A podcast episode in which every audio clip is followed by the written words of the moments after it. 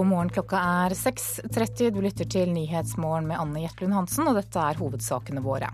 I dag kommer svarene fra 22. juli-kommisjonen. Både politikere og politifolk får trolig kritikk. Nei, jeg gruer meg ikke. Jeg er spent på hva som kommer. Det sier politimesteren i Nordre Buskerud. Ransofre brukes i rasismepropaganda på internett. Og toppidrettssjefen frykter få OL-medaljer også i framtida.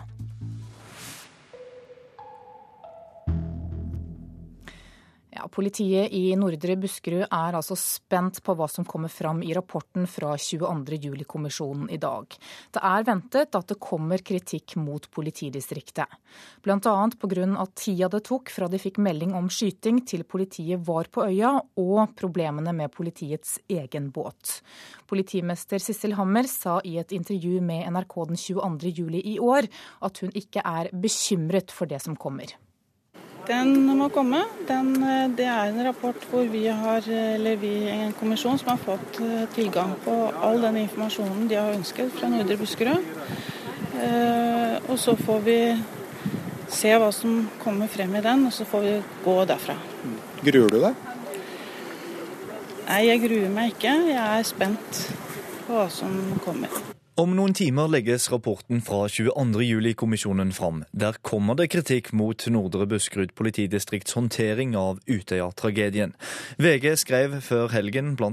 at det virket som om nødetatene langt på vei hindret hverandre i å nå fram i tide til Utøya mens massakren skjedde. Leder i Politiets Fellesforbund i Nordre Buskerud, Lill Heidi Tinholt, var selv operasjonsleder den 22. juli i fjor. Hun ønsker ikke å kommentere forventningene til rapporten, men henviser til fagforeningsleder Arne Johannessen. Han ser fram til å få en bred fremstilling av hva som gikk galt. Det er òg mange på et eh, individnivå som er spent på hvordan eh, den eh, vanskelige, krevende jobben som ble utført eh, 22.07, blir omtalt. Om eh, den blir omtalt med nok respekt i forhold til eh, eh, at dette var en kaotisk, vanskelig dag, og der de måtte ta beslutninger i løpet av svært kort tid. Og alle gjorde sitt beste den dagen ut ifra rammeforutsetninger og utstyr og alt som var. Og så er det selvsagt mye lettere å sitte i ettertid og vurdere når fasiten er på bordet. Så det er selvsagt svært spennende å se hvordan dette blir vurdert. Statsminister Jens Stoltenberg har hele tiden sagt at han vil ha en ærlig og usminket rapport. Ifølge opplysningene som så langt har kommet fram, vil rapporten omhandle alt fra regjering og helt ned til den enkelte tjenestemann. Johannessen tror ikke at enkeltpersoner blir navngitt i rapporten, men at enkeltpersoner kan bli gjenkjent. Jeg eh, ser jo ikke bort fra at funksjonen av et eh, fokusert, og da kan en jo eh, selvsagt eh, finne ut hva personer som er omtalt. Politiet er audmjuke i forhold til kritikk og viser vilje til læring. For alle har mulighet for utvikling. Samtidig så en må være dønn tydelig på at de medarbeiderne som gjorde en enorm innsats den dagen, de gjorde sitt beste aller beste ut ifra situasjonen den dagen. Politimester i Nordre Buskerud, Sissel Hammer, sier at hennes ansatte vil følge nøye med på hva som kommer fram i presentasjonen senere i dag. Jeg tror at uh, mange av dem er spente på hva som kommer. Er, uh, denne saken har vi levd med hver eneste dag siden 22.07. Uh, ved Nordre Buskerud. Så det blir på en måte en milepæl for oss når den rapporten blir fremlagt. Og det er jo tatt i betraktning den tiden det tok fra vi fikk første melding inn til vedkommende var pågrepet, eh, så er det klart at eh, de må ha gått gjennom mye materiale eh, som vil sette vår aksjon i en sammenheng. Reportere her var Odd Vegard Kandal og Bjørn Olav Nordahl. Og for fem minutter siden så dro leder for 22. juli-kommisjonen Alexandra Beck Gjørv til kontoret sitt, der hun skal gjøre de siste forberedelsene før rapporten legges frem klokka 13 i ettermiddag. Og vi møtte henne idet hun dro. Det blir, men det blir jo rart. Det blir veldig tomt etterpå. Jeg syns det har vært et utrolig givende år. Um, tungt år og, og et fint år fordi man jobber med noe meningsfylt. Hvilke forventninger er det du har? Jeg er jo veldig spent og litt tynget, og samtidig Det er klart jeg er full av energi også. Vi har forberedt oss godt. Hvor ærlig blir rapporten? Vi mener at den blir helt ærlig. Andre må vurdere om de syns det er det. Ja, hvordan tror du den eh, vil bli mottatt? Det er vanskelig å spekulere. Det er jo veldig omfattende, så det blir utrolig mye oppslag om nyheter. Og så blir det jo forhåpentligvis et godt grunnlag for diskusjon om hvordan vi vil ha det i Norge. Da. Hvordan tror du dagen i dag kommer til å bli? Veldig slitsom, men veldig spennende og viktig. Vi skal møte nå Støtteforeningen på, ja, før vi skal til statsministeren. Og det er klart det er veldig mange mennesker som har forventninger, og vi prøver å være veldig imøtekommende på de forventningene.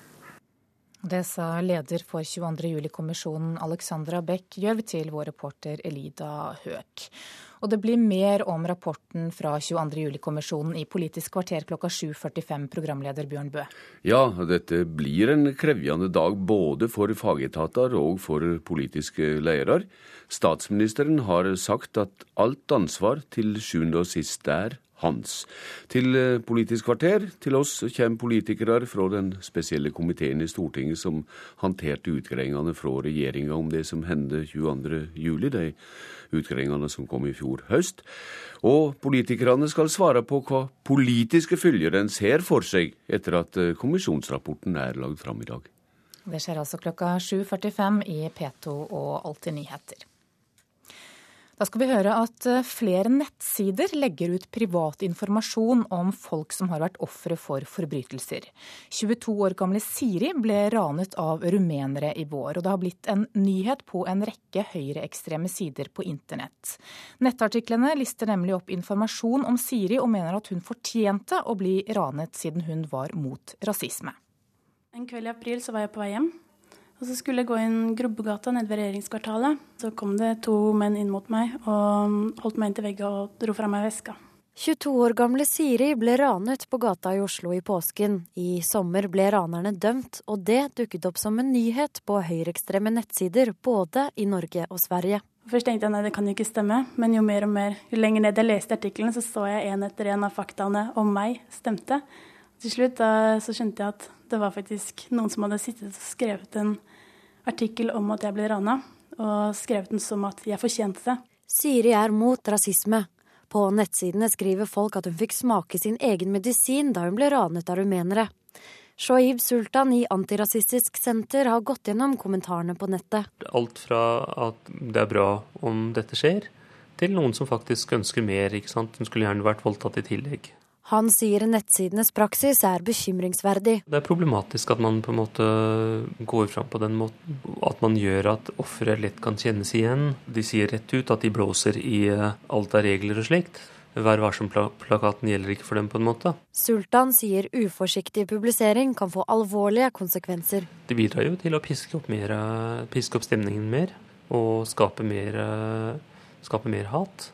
Slik at jeg mener jo at det er et problem at man har slike sider. Siri syns det er ekkelt at det som skjedde med henne, har blitt en gladnyhet på fremmedfiendtlige nettsider. Etter ranet skjedde, så har jeg blitt mye mer engstelig for å gå ute. Før tenkte jeg ikke over det, tenkte at Oslo var min by. Men det har gjort at jeg er blitt mye mer vaktsom og blitt mye mer redd for å gå alene.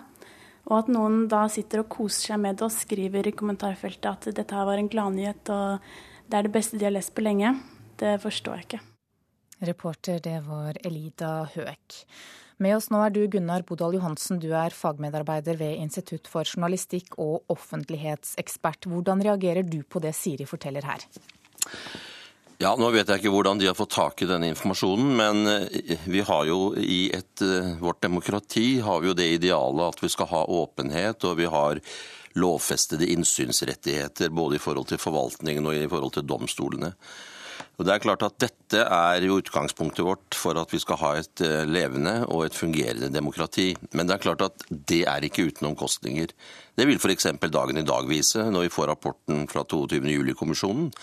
Sånn at eh, det er jo ikke uten belastninger, den åpenheten vi har. Men i et demokratisk samfunn så er det et verdivalg vi har gjort. Altså Hensynet til demokratiet vil i noen sammenhenger måtte vike for hensynet til personvernet. Så har vi jo den situasjonen i dag som vi ikke hadde for en del år siden, nemlig det at vi ikke har bare den redigerte pressen.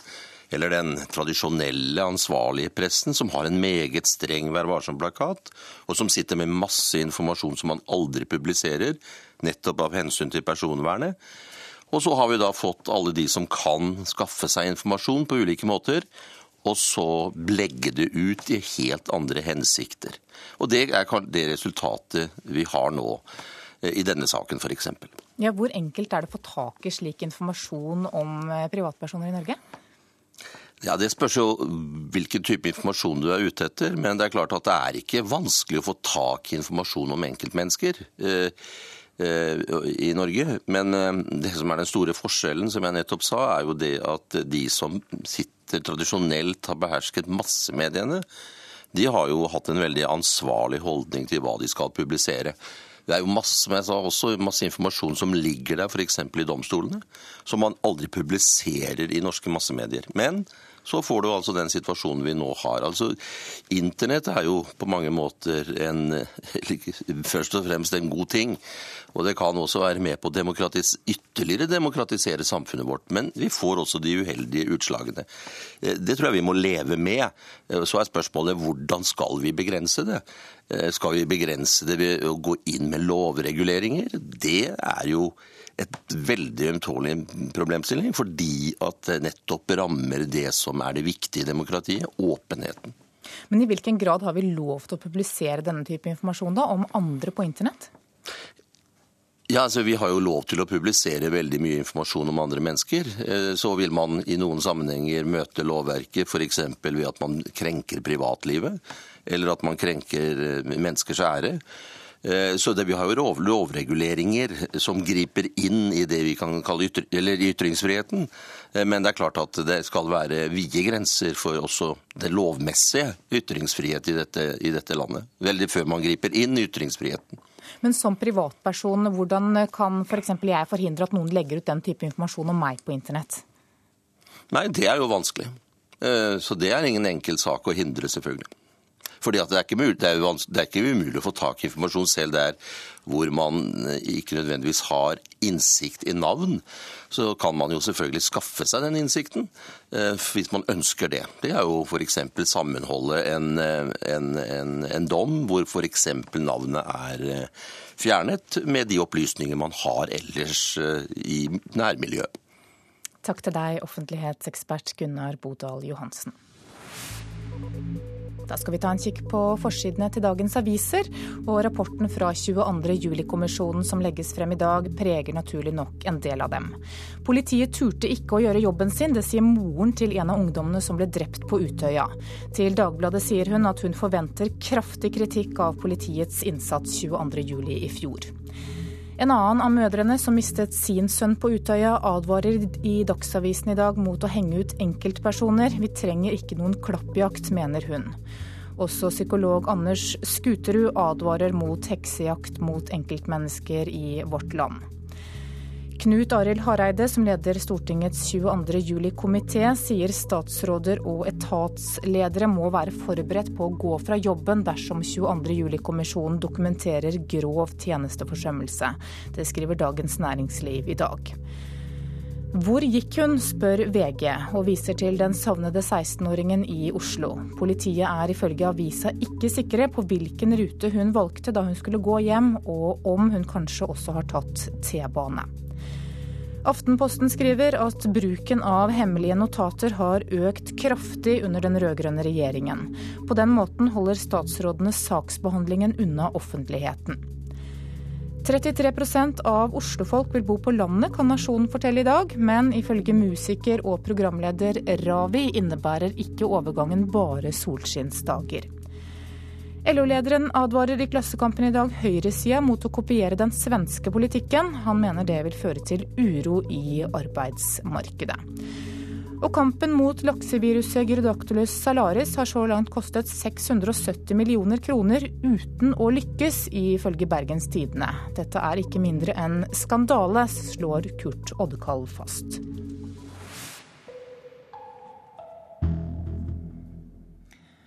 Norge tok bare fire medaljer under sommer-OL i London. Det er den dårligste medaljefangsten Norge har gjort på 28 år. Toppidrettssjef Jarle Ombø frykter at det ikke blir så mange OL-medaljer på Norge i framtida heller. Vi er inne i et, et, generasjonsskifte. Vi har vært det, og det kommer til å fortsette. Eh, og skal vi hevde oss på et topp internasjonalt nivå, nivå i fremtida, så må vi i større grad få opp flere Eh, og bredere lag eh, og utøvere i etterveksten. Jeg tror nok jeg kommer til å sykle til godt i, men på dette nivået så sier jeg to år til. Sa 39 år gamle Gunn Rita Dale Flesjå etter terrengsykkelkonkurransen lørdag. Vår fremste terrengsyklist med OL-gull fra Aten på CV-en blir ikke med i fire år til. Det gjør heller ikke medaljegrossistene Eirik Verås Larsen og Olav Tufte. Jarle Aambø vedgår at norsk idrett har dårlig tid på å erstatte einerne fram til Rio-OL. Å utvikle unge utøvere til å nå et topp internasjonalt nivå, det tar tid. Og fire år i en sånn sammenheng er, er ganske lite. Så Andreas Torkelsen. I Beijing for fire år siden ble det ni norske medaljer. I London innkasserte den norske troppa fire medaljer, én unna målsettinga. Åmbø er vag på hva medaljemål som er realistiske i Rio om fire år. Det må vi se på nå. Vi er iallfall avhengig av å kunne intensivere arbeidet med de yngre eh, for å få opp noen flere. Men, eh, men et 57, vi har ambisjoner om i hvert fall i fire til åtte år. Så bør Norge ha muligheter og potensial til å være på et ti, ti medaljers nivå. Allerede om fire år? Nei, det, det kan bli vanskelig. Reporter var Ole Rolfsrud. Du hører på Nyhetsmorgen. Klokka er 6.47, og dette er hovedsaker i nyhetene i dag. Politimesteren i Nordre Buskerud forventer kritikk i 22. juli-rapporten som legges frem i dag.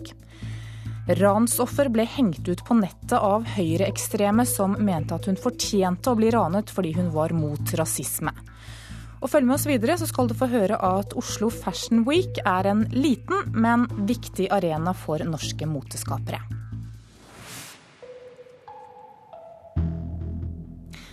Men før det skal vi til Nord-Norge. De rusavhengige og vanskeligstilte i Tromsø trenger varme klær, det fastslår Alf B. Pedersen. Han ønsker nå å kle opp de svakeste i samfunnet. Hei! Der har du gutta mine igjen. Hei. Går bra? Ja. men det er koselig. Alf B. Pedersen møter to av de han bryr seg mest om utenfor møtestedet for rusavhengige i Tromsø, Kafé 103. Den ene mannen er i slitt blå dongeribukse og hettegenser. Den andre drar opp glidelåsen på allværsjakka. Det er kaldt selv om det er sommer. Alf jobber som frivillig her på kafeen. Nei, hallo, brødre. Hei. Du, har du fått til noe? Ja. Ja vel? Men jeg mangler kjøkkenbord og, og spisemøbler. Kjøkkenbord, men det har vi kanskje bort på gjenbrukt. Ja.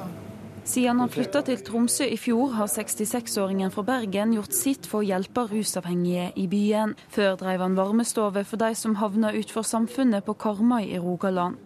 Nå har Alf ett ønske. Han vil drive en stad der vanskeligstilte kan få utdelt klær og vaske de klærne de har. Det trengs, mener Alf. Etter jeg begynte på Kafé 103, så så jeg eh, behovet for at det var mennesker som trengte klær. Iallfall rusmisbrukere har ikke råd til å kjøpe klær. Eh, de har heller ikke råd mange ganger å kjøpe mat. Pengene går til stoff. Engasjementet for de svakeste i samfunnet har han hatt i mange år. Det starta med en av de næreste. Jeg har hatt en sønn sjøl som har vært rusmisbruker. Han begynte vel som tolvåring. Eh, med drikking, og så utvidet dette seg. Jeg visste ikke om det før mange mange år etter. Men Alf ga aldri opp sønnen. Jeg har passet på han, jeg har vært med han, eh, jeg har støttet han. Jeg har eh, ja, jeg vet ikke hva, hvor mye man Men jeg har vist også kjærlighet til han. Og det er veldig viktig. Etter mange år som narkoman og kriminell sto sønnen uten et behandlingstilbud på Vestlandet. Da fikk han plass på Færingen i Tromsø, behandlingstilbudet til rus- og spesialpsykiatrisk klinikk ved UNN. Det skulle endre alt. det ble snudd totalt på hodet. For han, han, ville ikke, han, ville ut av dette, han ville ikke mer. Han hadde prøvd å ta livet av seg flere ganger. Han har hengt eh, tauet klart. Og jeg har hørt det i telefonsamtaler, og det har vært ganske tøft. Så jeg er veldig imponert at han har klart dette. Men det kan du også takke Kafé X for. Sønnen til Alf har nå vært rusfri i flere år. Han bor i Tromsø, og han har jobb. I oktober flytta Alf etter sønnen, og han tok med seg engasjementet til byen. Og nå brenner Alf altså for varma de som kanskje trenger det aller mest. Nei, der er, der er behov, for det viser seg det. Hvis du så han som kom inn nå, han har ikke råd til å kjøpe klær. Han, eh, han, kjøper, han kjøper, narkotika for, for de pengene. Fra Kafé 103 går Alf videre opp i bakken til Kafé X. Da er møteplassen for de som kommer seg ut av rusen. Nei, god dagen. Jeg tror det er et kjempestort behov for å få klær. Nestleder Tone Tobiassen på Kafé X har sjøl vært rusavhengig. Det husker jeg sjøl når jeg drev på rusa med at eh, klær var ikke det jeg prioriterte å gå og kjøpe. Og den tida så var det veldig mye på gamle Fretex så var det mye på baksida av klær og sånt. Og der henta vi klær. Sekk på sekk med klær. Hjem og bytta oss og sendte ned de andre sekkene med klær. Og eh, det var eneste måten jeg fikk klær på. Nå mangler Alf bare en plass å ved for å komme i gang, og han håper på hjelp fra kommunen til husleia. Jobben den gjør han sjøl, gjerne og absolutt helt gratis. Eh, de setter veldig stor pris på det, at det er mennesker som bryr seg. Jeg kan gå i gågata og så kan jeg ta rundt de, vise kjærlighet. Det er ikke mange mennesker som gjør det i dag. Reporter var Stine Hommedal. Ungdomsserien Hjerterått kan få stor betydning for unge samiske språkbrukere. Det tror språkforsker Torkel Rasmussen.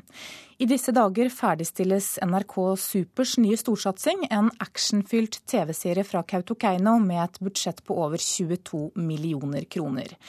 Regissørene ønsker at serien skal utfordre fordommene om samekulturen. Ja. Noe sånt? Mm. I en kjeller på Sankthanshaugen i Oslo sitter regissør Grete Bø Wold i intenst samspill med klipper Arild Tryggestad. Det er den siste uka med klipping før hun må levere fra seg de fire episodene hun har regien på, i serien som har fått navnet Hjerterått. Det er en Oslo-jente som blir tvangsflytta til Kautokeino. Er ikke det litt i samelandet? Gjennom henne og i møte med en samisk gutt så eh, må de løse store mysterier sammen. Hjerterått-gjengen har også jobba bevisst med å gi plass til et oppdatert samisk språk. Vi har brukt mye tid og energi på det, altså. Å få språket rett. Det er jo ungdommer, det her. Det er unge, altså 12-13-åringer det handler om. Og sånn er det jo en samisk ungdom har jo sin egen sleng, men det er jo samisk. Original Film, som samarbeider med NRK Super om satsinga, anslår at de har landa på rundt 20% samisk i Hjerterått. Det gleder språkforsker ved Samisk høgskole, Torkel Rasmussen, som mener samiskspråklig ungdom har for dårlig TV-tilbud på NRK i dag. blir det jo laga barneprogram og det blir laga TV-nyheter alle hverdager. Aldersgruppa er undersøkt 10-16 år. De er litt for voksen for, eh, for barne-TV, og de færreste har begynt å se på TV-nyheter. De få samiske ungdomsprogrammene slår heller ikke an, mener professoren, som ser stort potensial i Hjerterått-serien. For dem som da snakker samisk, så høres det ut som at det, det, kommer til å vise at det er kult og det er ganske tøft å snakke samisk. altså Det er noe som moderne ungdom gjerne gjør. På den andre sida så kommer jo det her til å gjøre samisk eh, kjent blant ungdommer i hele landet. Jeg vet ikke hvilke monitor som gir best farge her. Noe av det som fikk regissør Wold til å tenne på ideen om Hjerterått, var at serien skulle bryte med stereotypiske framstillinger av den samiske kulturen. Det er jo den kofta, den samelua og det joik. Og så har man ofte fått eh, problemene rundt eh, relasjonen mellom det etnisk norske og det samiske, problemer rundt rein, altså at reindriftsnæringa er trua og sånne ting. Dette var spenningsserie. Reporter var Hanna Marie Knutsen, og serien Hjerterått sendes i åtte episoder på NRK i januar neste år. Oslo Fashion Week er en liten, men viktig arena for norske moteskapere. Det mener designer Kristine Vikse. Hun er en av designerne som skal vise frem kolleksjonen sin under moteuka som åpner i dag.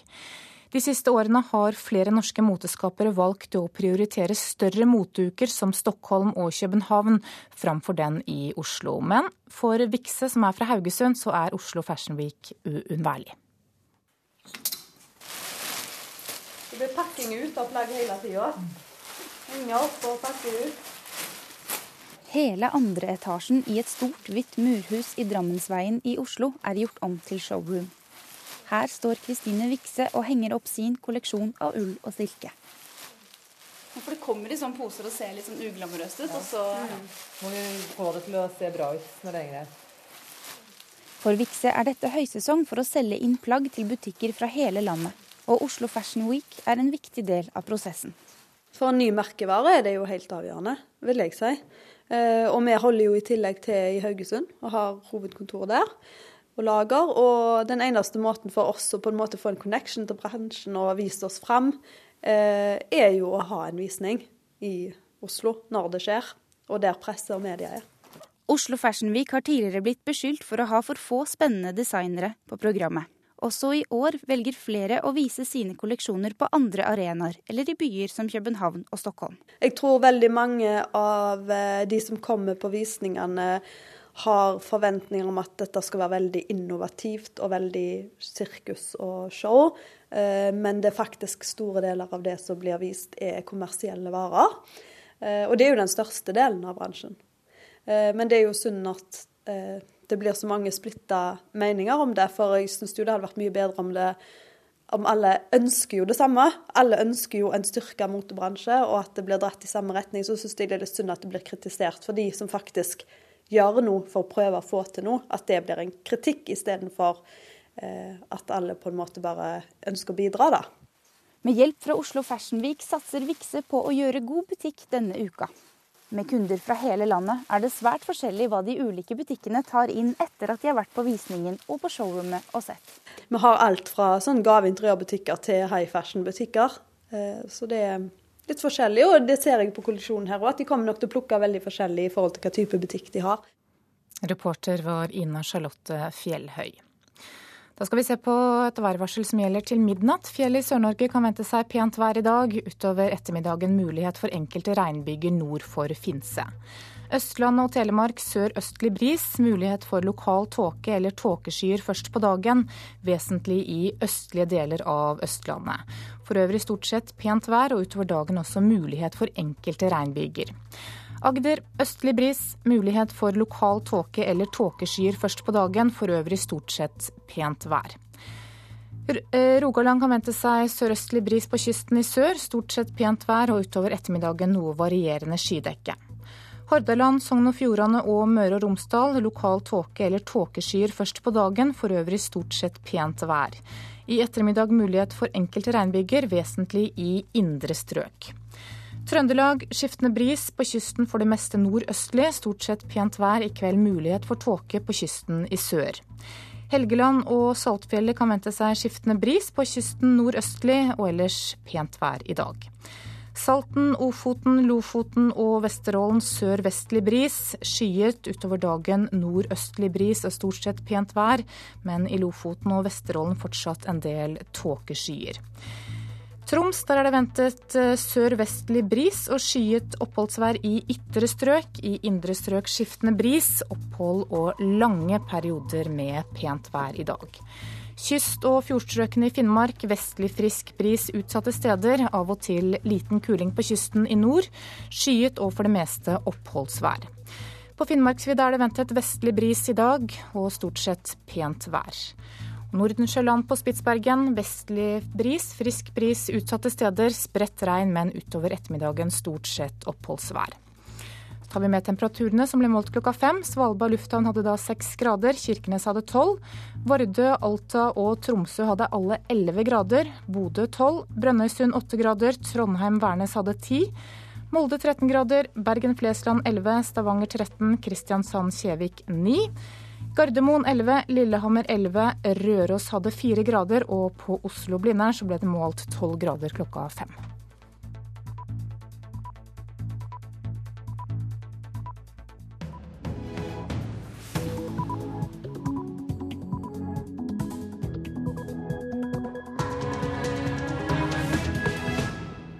Da er klokka sju, og du lytter til Nyhetsmorgen med Anne Jetlund Hansen i studio. Her er en nyhetsoppdatering. Ansvarlig for beredskap og sikkerhet må gå fra stillingen sin etter 22. juli-kommisjonens rapport. Det mener pårørende. Her burde folk skjønne sjøl at, eh, at de har gjort en dårlig jobb og kanskje bare kaster en håndkle, eller at andre sier fra til dem at dette var for dårlig gjort, vi trenger en annen person. 22 statlige etater forsinker og fordyrer boligbyggingen her i landet. Det får store konsekvenser. Det er snakk om veldig mange boliger som blir tatt i bruk sterkt forsinket, og kanskje aldri. Det sa boligpolitisk talsmann for Høyre på Stortinget, Michael Tetzschner. Mange dyreeiere betaler i dyre dommer for obduksjoner som gir svar på hva kjæledyret deres døde av. Anonyme tips fra bygningsbransjen fører til at mer svart arbeid blir avdekket. På bakgrunn av disse tipsene så har vi bl.a. tatt arrest i 500 000 i en konkret sak, og det er flere andre saker der vi har avdekket at det har vært svart omsetning. Det sa leder for Skattekrim i Skatt vest, Torkil Fure.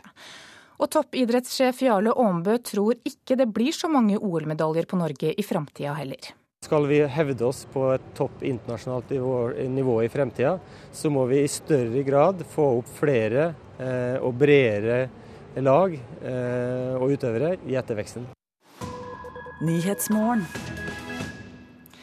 Noen av dem som er ansvarlig for sikkerhet og beredskap må ta ansvar og gå fra stillingen sin. Det mener pårørende og overlevende etter terrorangrepet 22.07. i fjor. I dag offentliggjøres 22.07-kommisjonens dom over Norges beredskap mot terror, og hvordan politi og myndigheter håndterte angrepet. Dersom det er grunnlag for å rette kritikk, kommisjonen kommer til det, så må den kritikken adresseres og rette til de som er gitt å ha ansvar. Han er bistandsadvokat for 23 pårørende og overlevende. I Bergen skal Einar Drægebø følge med når 22.07-kommisjonen i dag legger fram sin konklusjon. Han forventer svar. Hvorfor tok ting såpass lang tid? Det er også veldig sentralt å få avklart det kommandoforholdet som har vært konkrete utøvelsen og beslutningsnivåene som har vært involvert, og beslutninger som har vært fattet. Jeg, jeg tror det er viktig at vi her ser på systemet. Det er et system som ikke har fungert. Han overlevde skytemassakren på Utøya. I Trondheim fortsetter livet som student for Eivind Rindal, men det er minner som aldri slipper taket. I dag skal han få svar. Det som venta oss når vi kom i land, det var eh, et par politifolk, eh, en god del eh, frivillige hyttebeboere fra området. Han rømte fra Utøya i båten Reiulf sammen med flere ungdommer. En politimann møtte dem på brygga. Under rettssaken hevdet han at han ikke dro over til Utøya fordi det ikke fantes båter i nærheten. Flere frivillige har bestridt dette, også Rindal er kritisk. Og det at faktum at båter gikk ut fra land etter at politifolket hadde kommet til land. Så med andre ord må de ha stått og sett på at båter la fra land. Politiet, som institusjon, som system, sviktet. Hvorfor tok det så lang tid før Anders Behring Breivik ble pågrepet? Hvorfor var ikke beredskapen bedre? Leder av støttegruppa i Akershus, Terje Solvik, sier de forventer svar og konsekvenser av rapporten. Jeg tenker at det er, det er, noen som må sitte med et ansvar for dette. Og eh, jeg har en forventning om at eh, det ansvaret også kommer til å bli plassert. Hadde noen gjort jobben sin da den skulle gjøres, så hadde dette vært unngått i et sånt stort omfang som det fikk. Da tenker jeg at det ansvaret må plasseres. Og så får de finne ut i etterkant om de kan fortsette den jobben med de feilene de eventuelt har gjort, eller om de sier at dette er så alvorlig at her må jeg ta en hatt og gå. Hvilke ledere er det du tenker på da? Det er de som satt med et ansvar sommeren i fjor, selvfølgelig, i de forskjellige politidistriktene. Men det er jo mange som har ansvar for, eh, for beredskap. Det er jo alltid fra politikere, som, og det er eh, tidligere regjeringer og sittende regjeringer. Det er eh, Oslo kommune som helt sikkert har et type ansvar i forhold til sikring av, av bygninger i Oslo, som gjorde at dette kunne få et sånt tragisk utfall. Bjørn Inge Dalby mistet sønnen Andreas på Utøya. Også han håper at dette får konsekvenser. Det gjør jeg. Det håper jeg at det også blir. For det har gått med så mye menneskeliv i den, den eh, episoden her, så her, her burde folk skjønne sjøl at, eh, at de har gjort en dårlig jobb og kanskje bare kaster inn håndkle, eller at andre sier fra til dem at dette var for dårlig gjort, vi trenger en annen person. Reporter her, det var Ellen Omland. Kommentator her i NRK, Ole Eivind Henden. Klokka 13 så får vi altså rapporten fra 22. juli-kommisjonen. Hva blir de viktigste punktene der? Ja, Kommisjonen skal jo levere en rapport som tar for seg mange forskjellige punkt i eh, det som skjedde rundt den 22. juli. Både PST sin rolle i det å skulle oppdage denne mannen før det skjedde. Hvordan eh, politiet håndterte dette i eh, under aksjonen, både i bomba i regjeringskvartalet og det som skjedde senere på Utøya. Og senere på hvordan helsevesen og eh, akuttmedisinske eh, instanser håndterte dette. Det er en brei og stor rapport, men hovedfokuset vil nok ligge på hva skjedde fra bomba gikk av i Grubbegata fram til eh, Breivik ble arrestert på Utøya. Og I hvilken grad kommer enkeltpersoner til å bli kritisert i denne rapporten, tror du? Det er klart, det er det vi vet minst om, fordi at eh, det er vanskelig å vite hvor vektinga blir mellom systemkritikken og det å gå inn på enkeltpersoner eh, sine handlinger. F.eks. beslutninger om å ikke reise ut på eh, Utøya, som vi hører ble kritisert her, som er klart går rett inn på enkeltpersoner sine vurderinger i en, i en ekstrem situasjon. Mette Yvonne Larsen, du er bistandsadvokat for flere av dem som ble direkte rammet av terroren 22.07. i fjor. Hvilke forventninger har du til rapporten som legges frem i dag? Jeg er uenig med Henden at det eh, vil være viktig med systemkritikken, det overordna. Hvilke beslutninger var feil på overordna nivå. Husk at um, Breivik han hadde altså to timer på seg fra bomba gikk av til han kom ut til Utøya. Hva skjedde i de to timene? Men ikke minst hva skjedde i den siste timen på Utøya. Og jeg tror ikke det er mulig å vurdere en sånn uh, situasjon, sånn som kommisjonen har gjort, uten å også se på enkeltpersoner tjenestehandlinger. Man må være villig til å vurdere den enkeltes handlinger den dagen. Ja, Hva er det viktig at kommisjonen sier noe om? Det er viktig at de sier noe om hvordan Breivik kunne eh, få operere fritt mellom halv fire og halv seks. Men det, men det, er særlig viktig for mine klienter at det sies noe om hvordan kunne han få lov å holde på å drepe barn og unge en hel time på Utøya uten at noen gikk ut. Vi vet at det var politimenn som sto og så på fra Utvika kai at han skjøt og at det datt folk i vannet. Og hva som gjør at en politimann da ikke går ut til Utøya, det er fortsatt en gåte for de jeg representerer.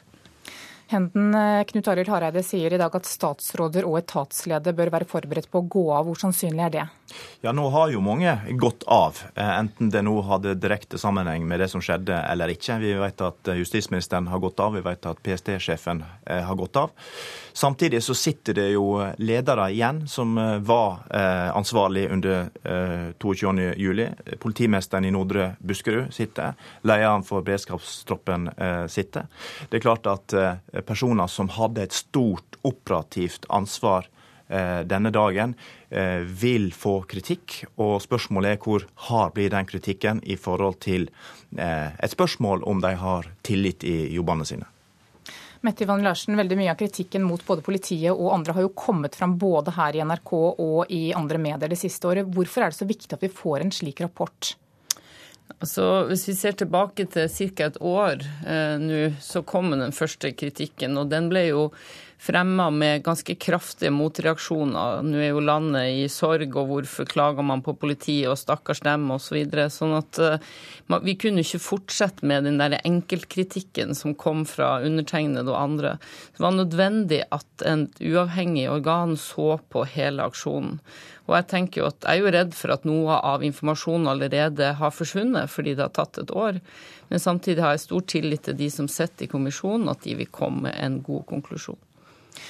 Det ble jo understreket her at, at, mange av de som var ansvarlige da, har allerede gått videre til eh, andre jobber. Hvilke konsekvenser syns du den rapporten bør få? Nei, altså Jeg er jo enig med Henden at det sitter noen i ledelsen her. og Jeg mener jo at politiet til nå har mislyktes fullstendig, eller politiledelsen har mislyktes fullstendig å gi oss en trygghet for at de har lært noe av det som skjedde. Deres egen evaluering med Søndeland-utvalget opplevde mange rett og slett som en vits og som en hån mot de som mista noen den dagen. Så jeg tenker jo at uh, hvis de nå får klar beskjed om at det var nok en uh, ganske alvorlig feil som ble begått, så bør hele toppsjiktet vurdere sin jobb, sånn som andre gjør som får kraftig kritikk. Jeg tror du de gjør det? Jeg håper at de gjør det. Henden, hvordan skal rapporten behandles videre etter at den nå blir offentlig klokka 13 i dag? Ja, det er jo et spørsmål. Eh, den skal jo selvfølgelig opp i eh, Stortinget. Det, vi hørte jo i går at Hareide, Knut Arild Hareide, eh, som, som, også har sittet i en komité som har kommet med, med, en rapport, vil at det skal utarbeides en stortingsmelding som bør komme opp i forhold til å ta tak i de læringspunktene, de anbefalingene som kommer fra denne rapporten. For det er kanskje det viktigste. Her kommer det altså anbefalinger på hvordan skal en endre de systemkritiske feilene som førte til at en eh, fikk situasjonen 22.07. Det går på f.eks. Eh, kommunikasjon, samband, hvordan håndterer en en krise fra statsapparatet. Eh, hvordan får en politidistriktene til å jobbe sammen. Det er læringspunkt som krever politisk handling. Det krever mot til å gå inn og endre på strukturer. Og det er det til sjuende og sist Stortinget og regjeringa som må ta tak i. Takk til dere, Ole Eivind Henden og Mette Yvonne Larsen. Vi skal videre til eh, Direktoratet for eh, samfunnssikkerhet og beredskap. Og Per Christian Brekke, du er direktør for Avdelingen for analyse og nasjonal beredskap der. Hvilke forventninger har du til det som kommer fram i rapporten i dag? Det er nok mange av de samme forventningene som både Henden og Larsen har tatt til orde for. Eh, jeg tror vi kommer til å se en rapport som er eh, svært grundig og helhetlig. At eh, alle stener er, er snudd. Jeg tror rapporten i sin form vil ha klare anbefalinger. Og jeg håper at mange av de spørsmål som både pårørende og etterlatte har stilt, vil bli besvart i rapporten. At den vil ha fokus på det som skjedde fra minutt til minutt, vil den. Men så håper jeg også at den vil løfte blikket og eh, også diskutere den mer systeminnretningen og se om det er forhold knyttet til både organisering, prioritering, hvordan vi jobber sammen osv. Som, som vil bli adressert. Og, og, og, læring står for meg som det helt sentrale på, på veien videre her. At den har så klare anbefalinger og, og forslag til forbedringspunkter at vi kan gripe fatt i dette, alle vi som jobber med samfunnssikkerhet og beredskap. Gruer du deg til rapporten kommer? Nei, jeg eh, gjør ikke det. At en rapport er kritisk, eh, det skal vi ta inn over oss. Eh, og samtidig ha det for øye at dette handler om å gjøre ting bedre og være bedre forberedt neste gang skulle en krise oppstå. Vi har jo hørt at politiet har beredskap for å ta seg av politifolkene som var på jobb 22.07 i fjor, når rapporten kommer i dag. Har dere lignende beredskap for deg eller andre av deres ansatte som var med på å koordinere eh, innsatsen denne dagen? Vi har ikke eh, gjort de samme ting som politiet har gjort. Eh, vi er på jobb, lederne er på jobb for våre ansatte. Eh, når det gjelder brann og redning, og DSB er nasjonal brannmyndighet i forhold til det, og da Oslo brann og redning som sto sentralt 22.07, eh, der har de god fokus på dette med kollegastøtte, og også der er lederne på plass til å ta vare på sine ansatte. Hvilke konsekvenser tror du rapporten kommer til å få for hvordan politiet og redningsetatene jobber framover? Jeg er helt sikker på at ethvert eh, anbefalingspunkt i denne rapporten vil bli nøye vurdert av alle de som hadde en jobb, eh, og med det klare siktemål å være bedre forberedt neste gang. Takk til deg, Per Kristen Brekke, som altså er direktør for Avdelingen for analyse og nasjonal beredskap i Direktoratet for samfunnssikkerhet og beredskap.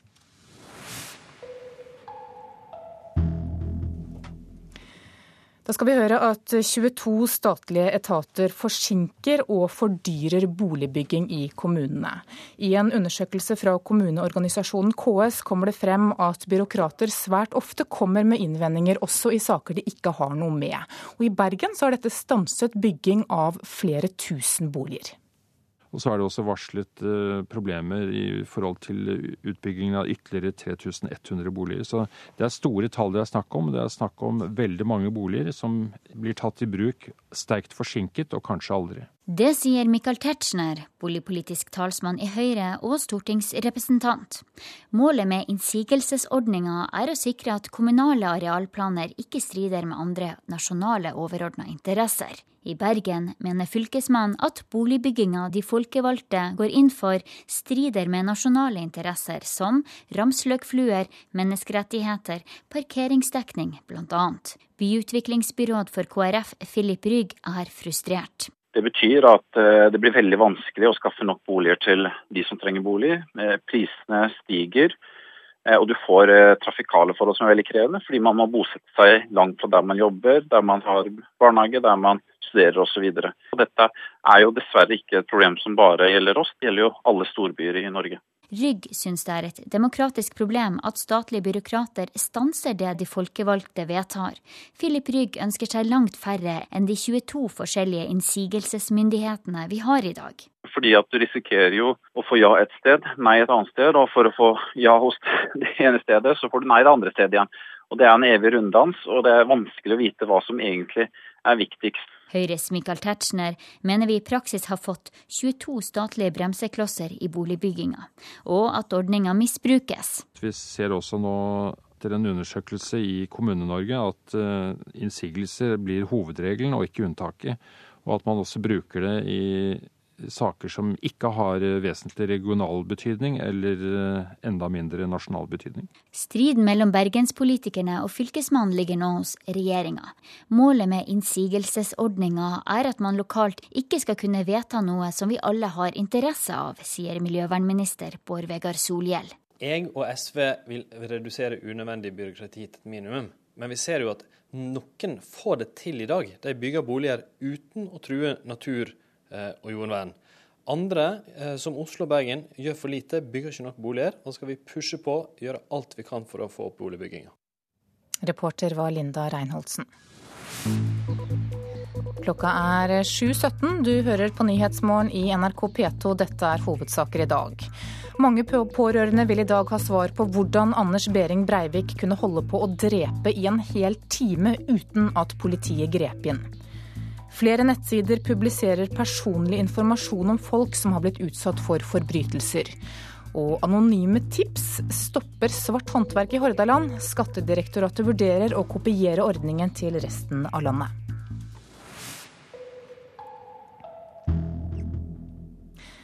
Nå til USA, hvor den republikanske presidentkandidaten Mitt Romney har kunngjort at han har valgt kongressmannen Paul Ryan fra Wisconsin som sin visepresidentkandidat.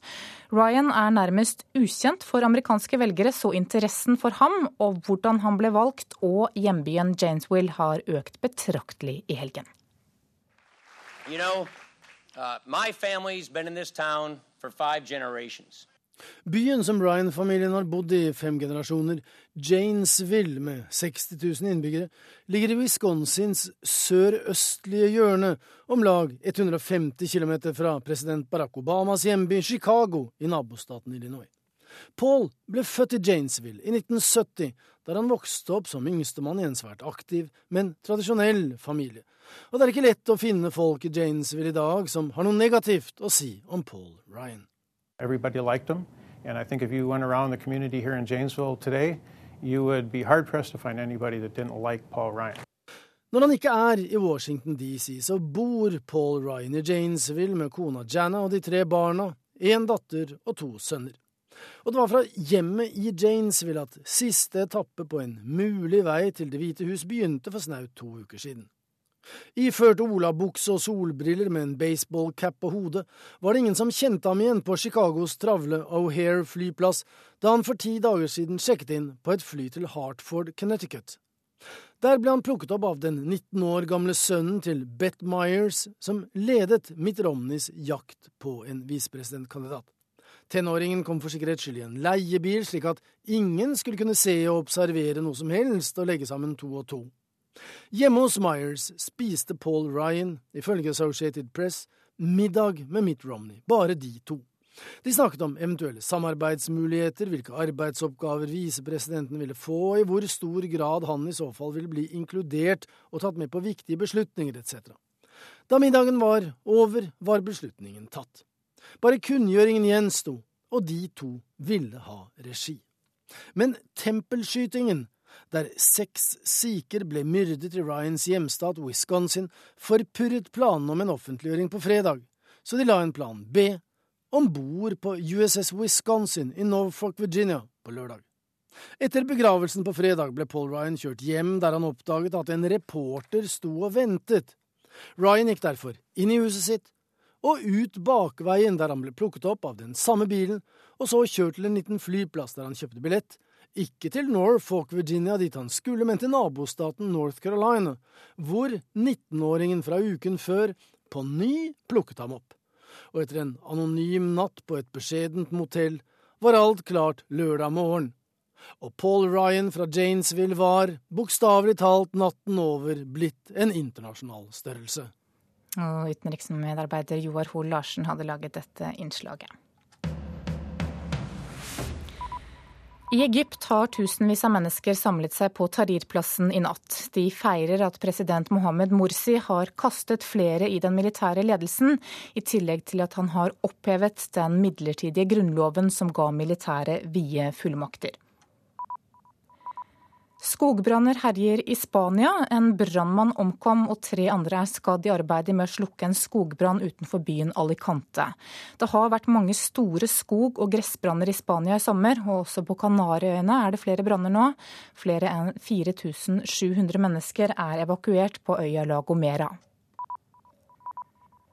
Den japanske økonomien bremsa opp mer enn ventet i andre kvartal. Veksten i den tredje største økonomien i verden var på 0,3% mens økonomer hadde ventet en vekst på 0,6% Årsaken er trolig mindre kjøpelyst blant japanerne, samtidig med at etterspørselen etter japanske varer har blitt mindre pga. den europeiske gjeldskrisa.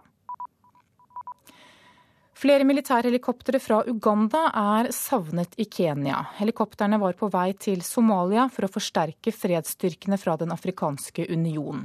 Bare ett av dem kom frem til den kenyanske byen der de skulle fylle drivstoff.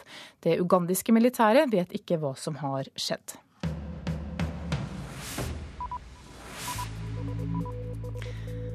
Skal vi ta en kikk på forsidene til dagens aviser, og rapporten fra 22.07-kommisjonen preger naturlig nok en del av dem. Politiet turte ikke å gjøre jobben sin, det sier moren til en av ungdommene som ble drept på Utøya. Til Dagbladet sier hun at hun forventer kraftig kritikk av politiets innsats 22.07 i fjor. En annen av mødrene som mistet sin sønn på Utøya, advarer i Dagsavisen mot å henge ut enkeltpersoner. Vi trenger ikke noen klappjakt, mener hun. Også psykolog Anders Skuterud advarer mot heksejakt mot enkeltpersoner. Det er enormt belastende, sier han til Vårt Land.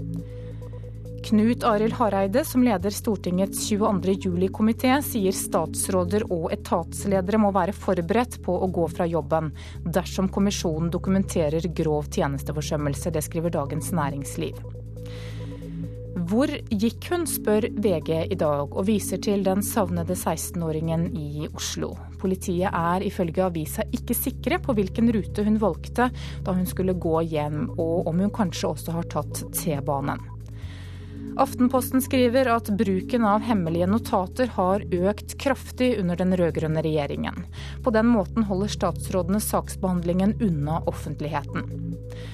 33% av oslofolk vil bo på landet, kan Nasjonen fortelle i dag. Men ifølge musiker og programleder Ravi innebærer ikke overgangen bare solskinnsdager. LO-lederen advarer i Klassekampen i dag høyresida mot å kopiere den svenske politikken. Han mener det vil føre til uro i arbeidsmarkedet. Og kampen mot lakseviruset Gyrodactylus salaris har så langt kostet 670 millioner kroner uten å lykkes. Det skriver Bergens Tidende. Dette er ikke mindre enn en skandale, slår Kurt Oddekalv fast.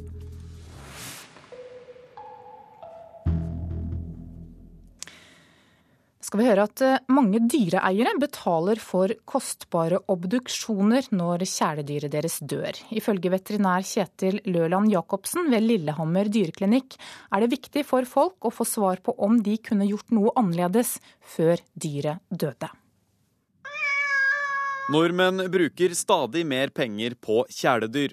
Nå ønsker mange dyreeiere også å betale for obduksjoner når familiens hund eller katt har gått bort. Ketil Løland Jacobsen hos Sentrum dyreklinikk i Lillehammer sier folk vil ha svar. Var det noe vi kunne ha gjort i levende live, eh, hvis man er usikker på det? Og da, da kan jo en obduksjon på en måte kanskje bekrefte alvoret i eh, det hele. og, og, og si at, eller konkludere med at eh, valget som ble gjort, det var riktig. Et av stedene som obduserer kjæledyr, er Veterinærinstituttet i Oslo. Hittil i år har de obdusert 100 kadavre innenfor kategorien de kaller sports- og familiedyr. Av disse er det flest hunder og katter, men også marsvin, kanin, undulat, papegøyer og ilder har ligget på obduksjonsbordet hos Veterinærinstituttet i år. En dyreeier på Lillehammer er blant de som har benytta seg av tilbudet. Vi hadde jo en eh, katt før som, eh, som vi obduserte. Han hadde jo kreft. Det var en hannkatt. Så det fikk vi obdusert, og så, så da at det da var det som var dødsårsaken. Så da Sånn er det. Trist, men Men hva er grunnen til at mange mennesker vil vite hvorfor kjæledyret gikk bort? Spesialpsykolog Gry Stålseth ved kompetansesenteret Modum Bad sier det er mange grunner til det. Det kan handle om skyld, eh, hvorvidt en selv har vært med å påføre dyret eller den en har mistet eh, noe, eller om det er omliggende årsaker som har bidratt til det. Og det kan være avklarende i forhold til følelser som en baler med i etterkant. Hjalp det liksom på sorgen å få vite dødsårsaken? Ja, det, det gjorde absolutt det. Så det, det var jo en naturlig dødsårsak, så det, det, er jo sånt som en bare må godta. det er det. Reporter her, det var Håkon Berg Mathisen. Anonyme tips fra bygningsbransjen fører til at mer svart arbeid blir avdekket i Hordaland. Og nå vurderer Skattedirektoratet å kopiere ordningen til resten av landet.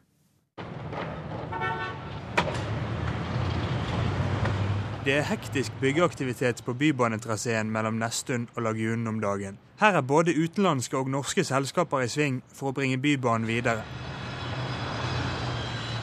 Sjansen for at det foregår svart arbeid på denne type oppdrag er liten. Etter at byggebransjen inngikk et samarbeid med Skatt vest, har det blitt lettere å fakke dem som forsøker å unngå skattereglene. Vi har helt klare resultater. Vi har fått mange gode tips. Det sier leder for Skattekrim i Skatt vest, Torkel Fure. Og På bakgrunn av disse tipsene så har vi bl.a. tatt arrest i 500 000 i en konkret sak, og det er flere andre saker der vi har avdekket at det har vært eh, svart omsetning. Det bygningsgruppen tok initiativ til, det var å få en tettere dialog med Skatt vest angående det vi opplever som et økende problem rundt eh, svart arbeid. Det sier Martin Hirt, som er styresekretær i bygningsgruppen i Bergen. Initiativet ble tatt i fjor sommer etter at bygningsgruppen i byen i lengre tid hadde sett seg lei på at svarte aktører dominerer den private delen av bygningsbransjen. Samarbeidet fungerer på den måten at medlemsbedriftene i bygningsgruppen kan melde fra om mulig svart arbeid i bransjen til en kontaktperson i Bergens næringsråd. Deretter bringes det direkte videre til lederen for Skattekrim i Skatt vest. Når vi får inn tips, så er det bedrifter som har eh, deltatt i en anbudskonkurranse, eh, ikke vunnet den, kjører forbi eh, tomten senere og ser at det henger folk fra taket uten sikring, og i tillegg kjenner prismarginen i markedet såpass godt at de, de ser at det her kan umulig eh, foregå på lovlig vis. Direktør for regionavdelingen i Skatteetaten, Øyvind Strømme, mener ordningen i Bergen kan overføres til andre norske byer. Dette er en ordning som vi kan ta i bruk eh, andre deler av landet. Foreligger det noen konkrete planer om, om å sette det i gang andre steder? Nei, det gjør det ikke. Når det gjelder akkurat eh, det samarbeidet vi ser i Bergen, så er det et veldig spennende prosjekt som eh, vi må selvfølgelig høste enda mer erfaringer fra. Reporter her, det var Kaspar Knutsen. Du hører på Nyhetsmorgen i NRK P2. og Den neste halvtimen så får du Dagsnytt med mer stoff om rapporten fra 22. juli-kommisjonen. I utenriksreportasjen klokka 7.40 så skal vi til Syria. Vi får en ny rapport fra vår utsendte medarbeider Sissel Wold. Og I Politisk kvarter så blir det mer om de politiske konsekvensene av rapporten fra 22. juli-kommisjonen. Ansvarlig for innholdet i Nyhetsmorgen i dag er Sven Gullvåg. Produsent er Fredrik Lauritzen. Teknisk ansvarlig Frode Thorshaug. Og mitt navn er Anne Jetlund Hansen.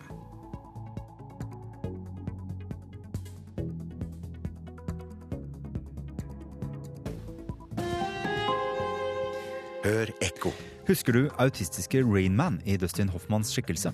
Som vant og vant da han gamblet i Las Vegas, rett og slett fordi han husket flere tall og kort enn noen annen.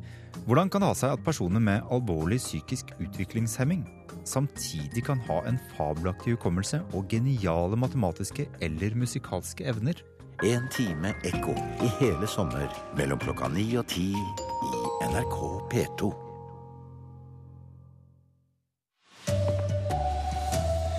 Pårørende krever at noen må ta ansvar og trekke seg. I dag legger 22. juli-kommisjonen fram rapporten sin. De blander seg i saker de ikke har noe med. Byråkrater forsinker og fordyrer boligbyggingen i Kommune-Norge. Og toppidrettssjefen er bekymret etter det dårligste norske OL på 28 år. Her er NRK Dagsnytt, klokken er 7.30. Noen som er ansvarlig for sikkerhet og beredskap må ta hatten sin og gå, det mener pårørende og overlevende etter terrorangrepet 22.07. i fjor. I dag offentliggjøres 22.07-kommisjonens eh, dom over Norges beredskap mot terror, og hvordan politi og myndigheter håndterte angrepet. Det som venta oss når vi kom i land, det var eh, et par politifolk, eh, en god del frivillige hyttebeboere fra området. Et minne han skulle vært foruten. 22. juli i fjor. Eivind Rindal rømte fra Utøya med båten Reiulf sammen med flere ungdommer. En politimann møtte dem på brygga. Under rettssaken hevdet han at han ikke dro over til Utøya fordi det ikke fantes båter i nærheten. Flere frivillige har bestridt dette, også Rindal er kritisk. Nå det faktum at båter gikk ut fra land etter at politifolket hadde kommet til land. Så med andre ord må de ha stått og sett på at båter la fra land. Jeg, jeg tror det er viktig at vi her ser på systemet. Det er et system som ikke har fungert. I dag kommer 22. juli-kommisjonens endelige dom over beredskapen og politiaksjonen. Leder av støttegruppa i Akershus, Terje Solvik, sier de forventer svar og konsekvenser av rapporten. Jeg tenker at det er, det er noen som må sitte med et ansvar for dette. Og eh, jeg har en forventning om at eh, det ansvaret også kommer til å bli plassert. Hadde noen gjort jobben sin da den skulle gjøres, så hadde dette vært unngått i et sånt stort omfang som det fikk. Da tenker jeg at det ansvaret må plasseres. Og så får de finne ut i etterkant om de kan fortsette den jobben med de feilene de eventuelt har gjort, eller om de sier at uh, dette er så alvorlig at uh, her må jeg ta en hatt og gå. Men uh, jeg forventer at det ansvaret blir plassert. Også bistandsadvokat Einar Drægebø har forventninger til kommisjonens rapport.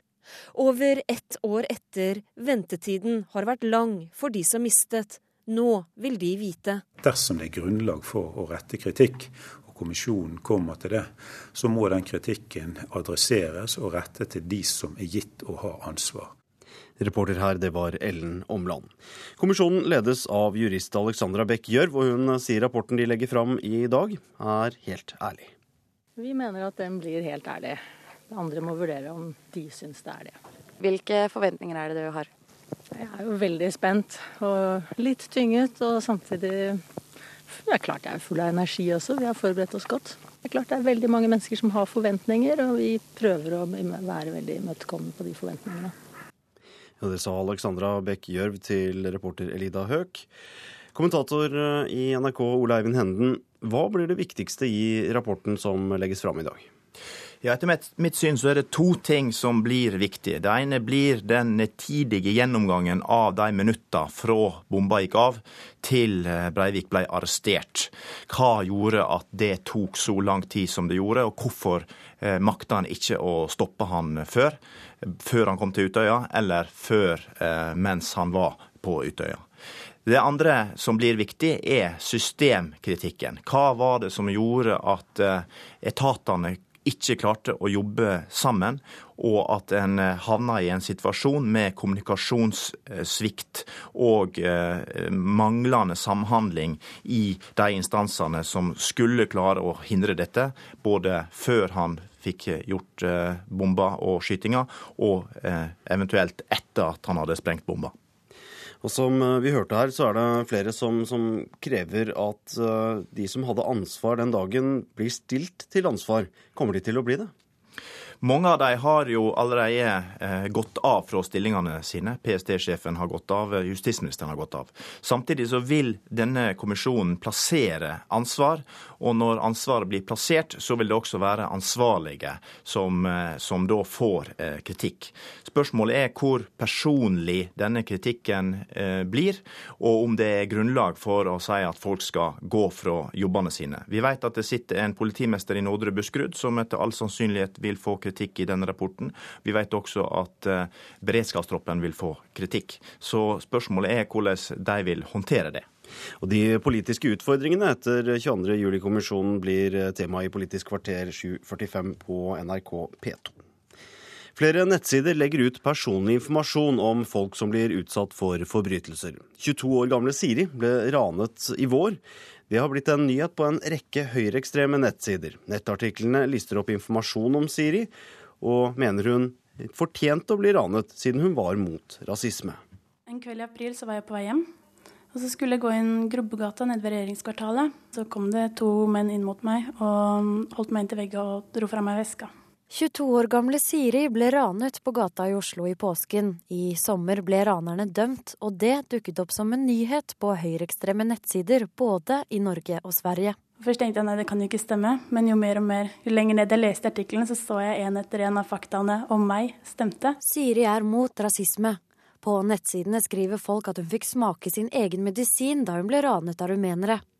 Shoaib Sultan i Antirasistisk Senter har gått gjennom kommentarene på nettet. Alt fra at det er bra om dette skjer, til noen som faktisk ønsker mer. ikke sant? Hun skulle gjerne vært voldtatt i tillegg. Han sier nettsidenes praksis er bekymringsverdig. Det er problematisk at man på en måte går fram på den måten. At man gjør at ofre lett kan kjennes igjen. De sier rett ut at de blåser i eh, alt av regler og slikt. Vær varsom-plakaten gjelder ikke for dem, på en måte. Siri syns det er ekkelt at det som skjedde med henne, har blitt en gladnyhet på fremmedfiendtlige nettsider. Etter ranet skjedde, så har jeg blitt mye mer engstelig for å gå ute. Før tenkte jeg ikke over det, tenkte at Oslo var min by. Og at noen da sitter og koser seg med det og skriver i kommentarfeltet at dette her var en gladnyhet og det er det beste de har lest på lenge, det forstår jeg ikke. Reporter var Elida Høek. 22 statlige etater forsinker og fordyrer boligbygging i kommunene. I en undersøkelse gjort på oppdrag av kommuneorganisasjonen KS, så kommer det fram at byråkrater svært ofte kommer med innsigelser, også i saker de ikke har noe med. I Bergen er byggingen av flere tusen boliger stanset pga. innsigelser. Det er store tall det er snakk om. Det er snakk om veldig mange boliger som blir tatt i bruk sterkt forsinket, og kanskje aldri. Det sier Michael Tetzschner, boligpolitisk talsmann i Høyre og stortingsrepresentant. Målet med innsigelsesordninga er å sikre at kommunale arealplaner ikke strider med andre nasjonale overordna interesser. I Bergen mener fylkesmannen at boligbygginga de folkevalgte går inn for, strider med nasjonale interesser som ramsløkfluer, menneskerettigheter, parkeringsdekning bl.a. Byutviklingsbyråd for KrF Filip Rygg er frustrert. Det betyr at eh, det blir veldig vanskelig å skaffe nok boliger til de som trenger bolig. Eh, prisene stiger. Og dette er jo dessverre ikke et problem som bare gjelder oss, det gjelder jo alle storbyer i Norge. Høyres Michael Tetzschner mener vi i praksis har fått 22 statlige bremseklosser i boligbygginga, og at ordninga misbrukes. Vi ser også nå etter en undersøkelse i Kommune-Norge at uh, innsigelser blir hovedregelen og ikke unntaket. Målet med innsigelsesordninga er at man lokalt ikke skal kunne vedta noe som vi alle har interesse av, sier miljøvernminister Bård Vegar Solhjell. Men vi ser jo at noen får det til i dag. De bygger boliger uten å true natur eh, og jordvern. Reporter her, det var Linda Reinholdsen.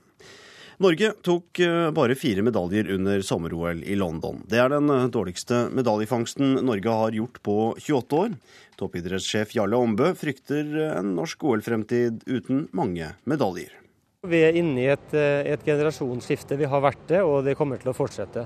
Eh, og skal vi hevde oss på et topp internasjonalt nivå, nivå i fremtida, så må vi i større grad få opp flere eh, og bredere lag eh, og utøvere i etterveksten. Jeg tror nok jeg kommer til å sykle til jeg er 80, men på dette nivået så sier jeg to år til. Sa 39 år gamle Gunn Rita Dale Flesjå etter terrengsykkelkonkurransen lørdag. Vår fremste terrengsyklist med OL-gull fra Aten på CV-en blir ikke med i fire år til. Det gjør heller ikke medaljegrossistene Eirik Verås Larsen og Olav Tufte. Jarle Aambø vedgår at norsk idrett har dårlig tid på å erstatte einerne fram til Rio-OL. Å utvikle unge utøvere til å nå et topp internasjonalt nivå, det tar tid. Og fire år i en sånn sammenheng er, er ganske lite. Så Andreas Torkelsen. I Beijing for fire år siden ble det ni norske medaljer. I London innkasserte den norske troppa fire medaljer, én unna målsettinga. Ja, og reporter i eh, London, det var Ole Rolfsrud. Ansvarlig for Dagsnytt-sendingene denne morgenen er eh, Sven Gullvåg. Teknisk ansvarlig var Frode Thorshaug. Jeg heter Arne Fossland.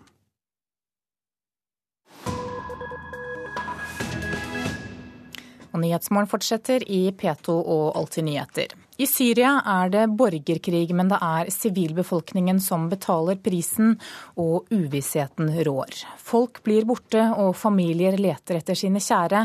I fengsler eller på kirkegårder, forteller Sissel Wold fra Syria. En liten nøkkel vris rundt og åpner en brun tredør. Gjennom et gitter ser jeg på mer enn 20 menn som sitter på gulvet i et stort rom. Alle er kortklippet, noen barbert på hodet, og alle stirrer mot meg med runde øyne. Ja, slik føles det i alle fall, og jeg stirrer tilbake på dem som i en dyrehage. Den syriske opprørshæren viser gjerne frem krigsbyttet sitt, som i dette tilfellet er en stor gruppe shabiha-milits. Vi ber om å få snakke med to av dem. Jeg er Shabi, sier en av de kortklipte. Jeg var med på motdemonstrasjoner. Jeg sloss med dem som demonstrerte, og banket dem opp. Ellers selger jeg sko, sier mannen med grå bomullstrøye. Gjennom gitteret ser jeg på fangen, hvis skjebne er ganske uviss. Mennene bak ham har alle på seg bomullstrøyer og grå eller blåaktige bukser. Gulvet de sitter på, er dekket av matter og madrasser. De har ingenting annet å gjøre enn å la tiden snegle seg av gårde. Her finnes ikke bøker eller spill, og under ramadan har de heller ingen måltider å se frem til på dagtid. Den beryktede Shabiha-militsen til regimet beskyldes for å stå bak massakrer der også barn ble likvidert med kniver. Så hvorfor ble mannen Shabih? Jeg fikk penger, og så ga de oss tabletter som vi ruset oss på, sier han. Flere av regimene i Midtøsten bruker samme metode. De outsourcer enkelte opprydningsjobber til pøbelmilits. Kanskje for at politiet eller militæret skal slippe å bli mer forhatt enn de allerede er. I Iran heter de basiji, og i Egypt heter de baltagayas. Det er ofte fattige folk uten utdannelse som lar seg bruke av regimene mot kontanter i hånda. Noen tilhører kriminelle gjenger, andre igjen er sivilkledte sikkerhetsfolk. En av dem vi traff, fortalte at han fikk 1500 kroner i måneden. Døren lukkes bestemt igjen av opprørssoldaten. En ung fyr i olabukser, T-skjorte og militærgrønn vest. I en sele over skulderen henger en pistol. Vi er på en av den frie syriske hærens baser. Stemningen er amper i dag, siden meldingene fra Aleppo er entydige. Regimets hær er på fremmarsj. En av dem viser oss en SMS sendt fra regimets informasjonskontor til alle med mobildekning i Aleppo og omegn der vi er. Regimet er på vei. Redd dere selv og familien. Angi forrædere. Utenfor muren som omringer militærfengselet og basen, treffer vi på et par. Det viser seg å være en søster og en bror, begge et sted i 50-årsalderen.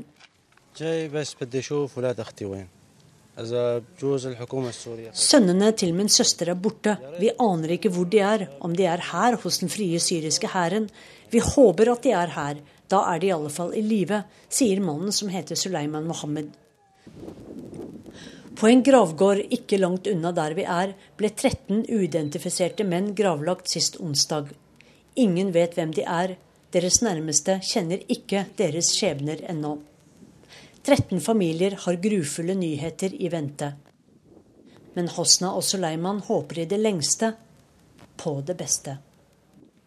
Og vår reporter i Syria er Sissel Wold. Du hører på Nyhetsmorgen, vi har disse hovedsakene nå. Pårørende krever at noen må ta ansvar og gå fra stillingen sin. I dag legger 22. juli-kommisjonen fram rapporten sin. De blander seg inn i saker de ikke har noe med. Byråkrater forsinker og fordyrer boligbyggingen i Kommune-Norge. Og toppidrettssjefen er bekymret etter det dårligste norske OL på 28 år. Og nå følger Politisk kvarter, og i dag kommer altså regjeringens 22. juli-kommisjon med sin rapport, programleder Bjørn Bø.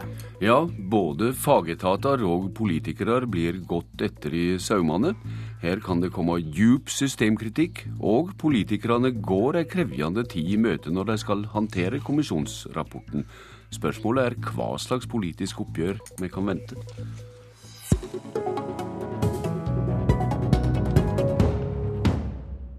Ansvaret er mitt. For politiet, helikoptrene, sykehusene og Forsvaret. Jeg tar ansvaret for det som fungerte, og for det som må forbedres. Jeg er ydmyk for at ikke alt fungerte så godt som det burde i de kritiske timene den 22. juli. Derfor skal vi lære og vi skal forandre for å øke tryggheten. Statsminister Jens Stoltenberg i trontaleordskiftet 4.10 i fjor. I dag kommer altså 22. juli-kommisjonen med si utgreiing om hva det er å ta ansvar for. Knut Arild Hareide, leder i Kristelig Folkeparti. Du var leder i den spesielle komiteen i Stortinget som handsama utgreiingene fra regjeringa om tragediene 22.07. i fjor. Hva er knekkpunkta du er mest spent på i kommisjonsrapporten? Ja, Det mest spennende nok i dag er nok at sannheten kommer på bordet. Eh, det er iallfall min eh, overordna forventning til denne uavhengige kommisjonen. For første gang så får vi vite hva var det som hendte 22. juli, og hva var det òg som kunne eventuelt ha skjedd annerledes. Det er min hovedforventning til eh, det som blir eh, lagt fram. Så tror jeg òg at vi får mange gode råd. Det er behov for å endre Norge. Eh, vi så i forkant av 22. juli at vi har vært for naive på en del områder. Derfor er det behov for å se på vår struktur når det gjelder beredskap. Vi er nødt til å følge opp viktige områder som f.eks. gjelder samarbeid mellom politi eh, og Forsvaret. Så det er behov for reelle endringer, og der tror jeg vi i dag får vite hvilke gjennom de rådene som kommisjonen gir. Du har sagt at også politiske ledere må være budde på å ta fylgen av det som kommer fram, og gå av. Gjelder det også statsministeren?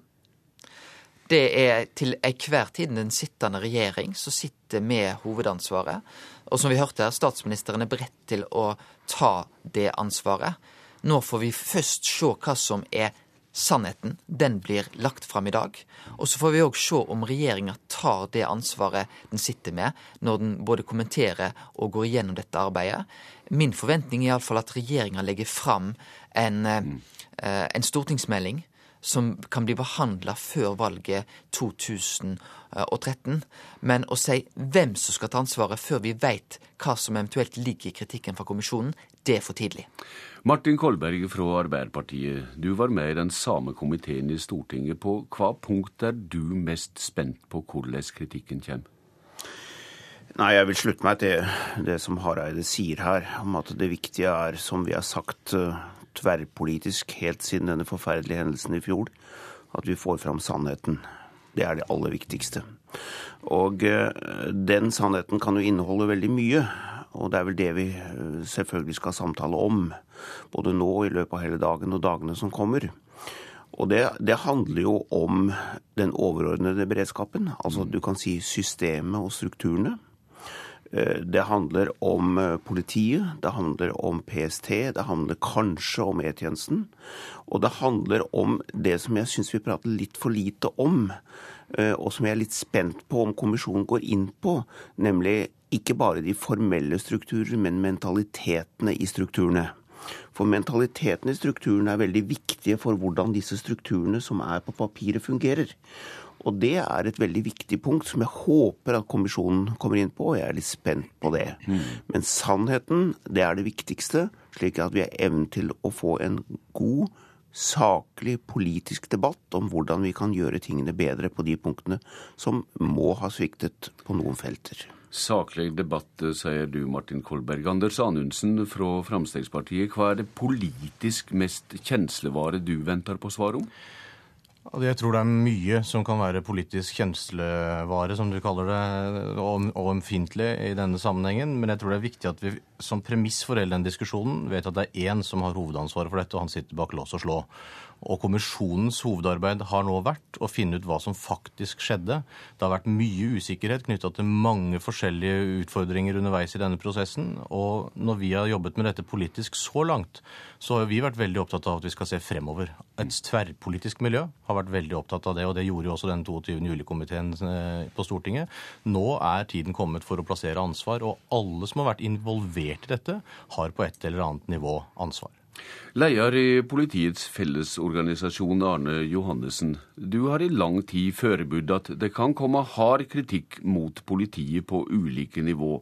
Men du tror også at dette blir en vekker for politikerne om at tryggleik koster. Hva er budskapen din til politikerne før kommisjonsrapporten kommer? Nei, Det er først og fremst at jeg håper at alle nivå er villige å ta inn over seg det som kommer, og at vi får en god politisk debatt om eh, framtida. Og så er det ett punkt som jeg syns har vært altfor lite framme i debatten. og Det er å prøve å få en debatt om, eh, og en faglig debatt. Hvordan kunne dette ramme Norge, et lite oversiktlig land?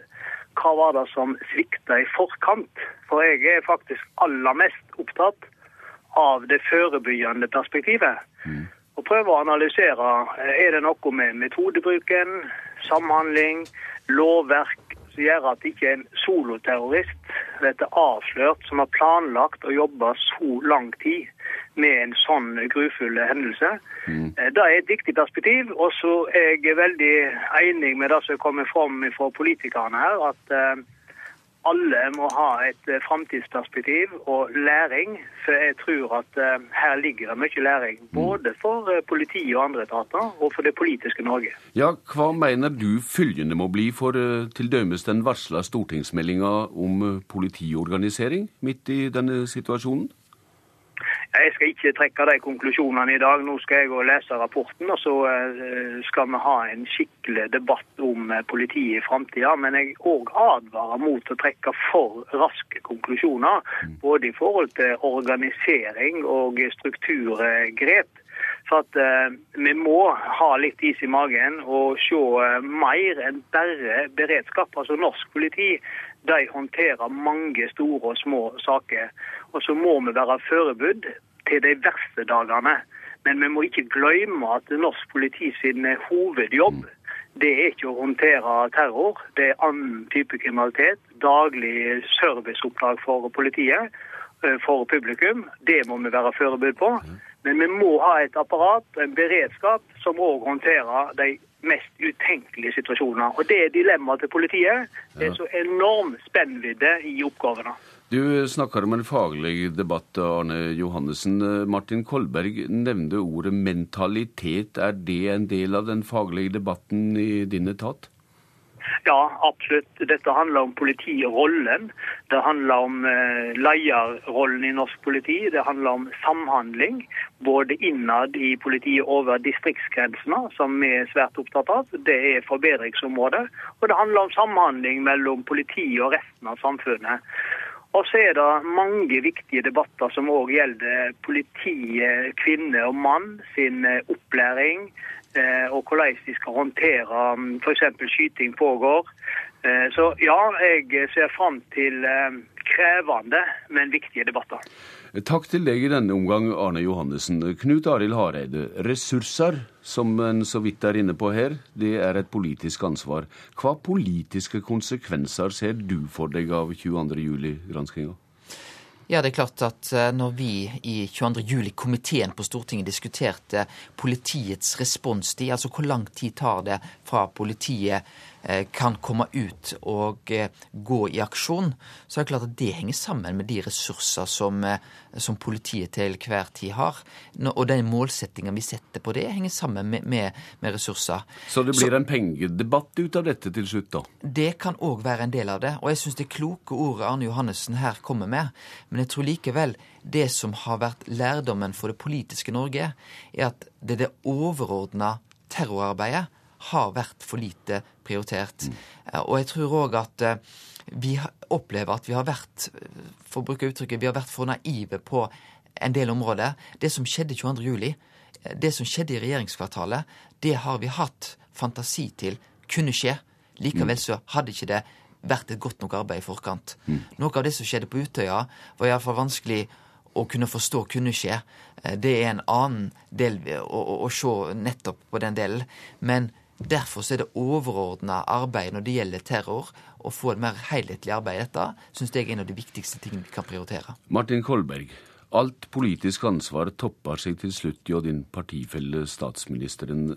Hvordan ser du på at Arbeiderpartiet både har ansvar og også er et offer i denne saka? Ja, Vi må først og fremst sette selve hendelsen i fokus. Og eh, det ville være veldig galt av oss i denne situasjonen, og det kommer ikke til å skje, at vi ikke opptrer med nødvendig ydmykhet i denne situasjonen. Og deltar i den eventuelle systemkritikk som måtte komme som følge av kommisjonsrapport. Eh, vi må legge andre hensyn til side her for å være helt sikre på at vi, som jo er jeg tillater meg å si det her, de fremste ofrene for eh, denne terroraksjonen virkelig kommer til bunns i dette, tar den kritikken som ligger i det, og har evnen til å eh, se nødvendigheten av forandringer. Det må gå foran andre hensyn i en så dramatisk situasjon som vi har opplevd her. Hvis ikke så ville vi forsømme vårt politiske ansvar. Og det er det ingen i regjeringen, eller i Arbeiderpartiet for den saks skyld, da, som, eh, som er innstilt på, selvsagt. Og så vil jeg bare legge til det, programleder, at eh, det er, jeg hører med stor tilfredshet en veldig, fortsatt en veldig god tone oss imellom her nå på begynnelsen av denne dagen. Det er veldig viktig for det politiske Norge, eh, mener jeg, at vi klarer å holde denne tonen gjennom den prosessen som vi nå uh, går inn i. Uh, vi satte alle vi tre som sitter her i en komité i Stortinget som gjorde et grundig arbeid, vil jeg si. Og jeg håper at vi kan ha denne den, At vi ikke begynner med noe partipolitisk spill rundt dette.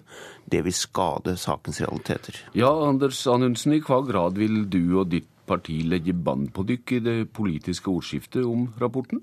Jeg tror det er viktig at vi ikke legger bånd på oss, men dette er en debatt som selvfølgelig skal tas i verdige og skikkelige former. Eh, det er en eh, kommisjonsrapport som sannsynligvis kommer til å være ekstremt omfattende. Den kommer til å omhandle veldig, veldig mye. Og det er nødvendig at vi har godt grunnlag for de beslutningene vi skal gjøre for at vi skal få et eh, tryggere og bedre samfunn fremover. Men det er åpenbart, når vi begynner de diskusjonene om hvordan dette skal se ut fremover, at det vil være politisk uenighet. Og da er det det bl.a. den gamle debatten om penger til politiet som kommer opp igjen. Er det slik å forstå? Penger til politiet er alltid en diskusjon i ethvert budsjett. Men først og fremst tror jeg det er viktig å bruke eh, denne rapporten til å se om det er systemendringer som kan gjøres, sånn at vi får bedre utnytta de ressursene som politiet allerede har. Om det er noe vi kan gjøre mer effektivt, om det er systemer som bør endres, om en kan strukturere beslutningsprosesser og opp, opp oppdra på en måte politiledere og andre ledere enda bedre til en situasjon som det er vanskelig å forestille seg, eh, heldigvis. Men vi har sett at det har vært svakheter, og kommisjonsrapport skal nå sette et punktum for å avklare fakta. Og så må vi som politikere ta ansvar for en skikkelig politisk diskusjon. Og det betyr også at vi ikke må legge for mye bånd på oss i forhold til hva som skal skje fremover. Knut Arild Hareide, du har både her i dag og tidligere mellom annet i en kronikk i Dagens Næringsliv skrevet at du voner den videre håndteringa blir konstruktiv og rimelig. Er det ei formaning om at opposisjonen bør være snill, dette? Jeg syns opposisjonen skal opptre konstruktivt. så er det òg viktig at regjeringa tar sitt ansvar på den kritikken som kommer. Og det er òg regjeringas ansvar både i løpet av dagen i dag og de dagene som kommer, å ta det. Og så kan vi ikke diskutere akkurat nå hva det vil innebære, for vi veit ikke hva som ligger i rapporten. Så Derfor er det et felles politisk ansvar fra opposisjon og til regjeringa, sånn at vi får ikke et politisk spill av dette, men at vi tar lærdom av dette, og at vi er sammen med på å gjøre Norge tryggere framover. Martin Kolberg. Ja, eh, Regjeringen må selvfølgelig ta sitt ansvar, slik som det sies her. Og Det var det jeg sa med litt andre ord i stad, slik at eh, jeg ville være veldig tydelig på det, slik at ikke det misforstås. Og jeg vil også si, eh, som en liten kommentar til det som blir sagt her om eh, at vi må ha de nødvendige debatter. Selvfølgelig må vi det, men det er innenfor alminnelige, fornuftige rammer en forskjell på å ha uenighet og politisk diskusjon og det å starte det strategiske politiske spillet. Og Det er der grensen går, syns jeg.